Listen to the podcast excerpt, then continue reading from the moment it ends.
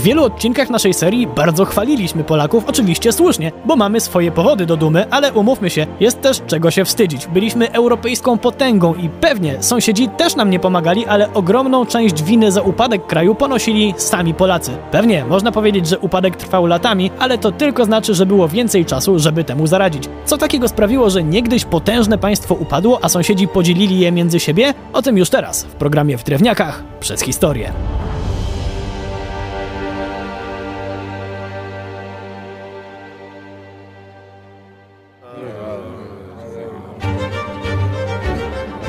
O demokracji szlacheckiej już kiedyś sobie mówiliśmy, ale warto przypomnieć o porażce, jaką był ten ustrój. Przez pewien czas działało to nieźle, ale szybko zaczęło być kulą u nogi, kiedy szlachta zyskała zbyt wiele przywilejów. Opiszmy to sobie obrazowo. Ten, kto teoretycznie był przy sterze, czyli wtedy król, mówił szlachcie na Sejmie. Słuchajcie, niby to ja rządzę, ale wiecie, no sam nie dam rady tego przepchnąć. Zagłosujcie tak jak ja chcę, a ja wam za to dam fajne urzędy i ulgi, a jak coś nakradliście, to przecież trzeba wybaczać, chłopaki. To jak będzie? Dogadamy się, nie? No i tak się dogadywali do czasu, aż szlachta dostała już tyle przywilejów, że król przestał być jej potrzebny. Niby miał władzę, ale tylko na papierze, a szlachta, zanim się zjechała, zanim coś ustaliła, to polityka kraju rozwlekała się tak, że w każdej dziedzinie zostawaliśmy w tyle. Gdyby Polska poszła w kierunku monarchii parlamentarnej albo absolutnej, to pewnie trudniej byłoby naszym sąsiadom włazić do nas z butami. Oczywiście oba te ustroje miały wady, ale nie były one tak zgubne dla kraju jak nasza okropna demokracja szlachecka.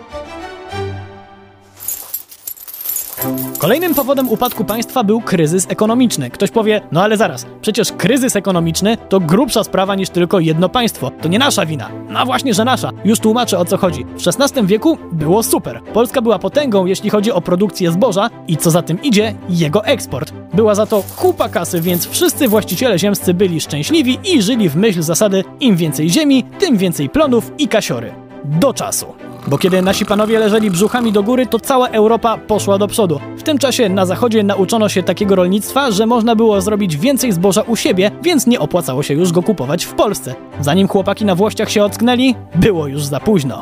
Przez lenistwo paniczów nasza gospodarka padła i od tej pory mieliśmy non-stop problemy z budżetem. A jak w kasie państwa nie ma pieniędzy, to znaczy, że nie ma też na wojsko, które w końcu się wkurzyło brakiem wypłat. A jak się wojsko wkurza, to bardziej niż górnicy. Zawiązali konfederację i sami jeździli po kraju i ściągali podatki na własną rękę. Wszyscy byli przerażeni, poza pewną grupą ludzi, która zarobiła na zbożu i przywilejach tyle, że nie musiała się martwić. Magnateria. No właśnie, to następna kwestia.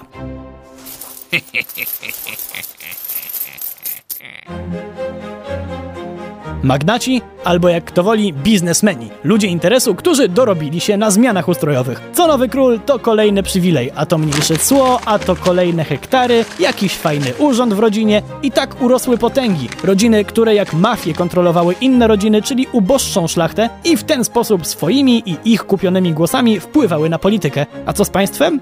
A, kto tam z nich myślał o państwie? Bardzo niewielu. Pozostali myśleli o sobie i nie cofnęli się przed niczym, włączając w to knucie z sąsiadami, żeby tylko kasiora w portfelu się zgadzała. I znowu słyszę, jak ktoś krzyczy, ale zaraz, przecież była ta sławna familia, magnaci, a jednak patrioci. No nie do końca, kilkoro z nich to faktycznie mądrzy i kochający ojczyznę ludzie, jednak w większości ich działania polegały na kolaboracji z Rosją. Powszechna jest opinia, że robili to, bo nie mieli innego wyjścia. Chcieli uzyskać jak najwięcej dla Polski, albo chociaż zapewnić krajowi spokojne życie w cieniu Rosji. Ale tak faktycznie to chcieli odzyskać dla siebie urzędy, które stracili, kiedy poparli Leszczyńskiego na elekcji w 1733 roku.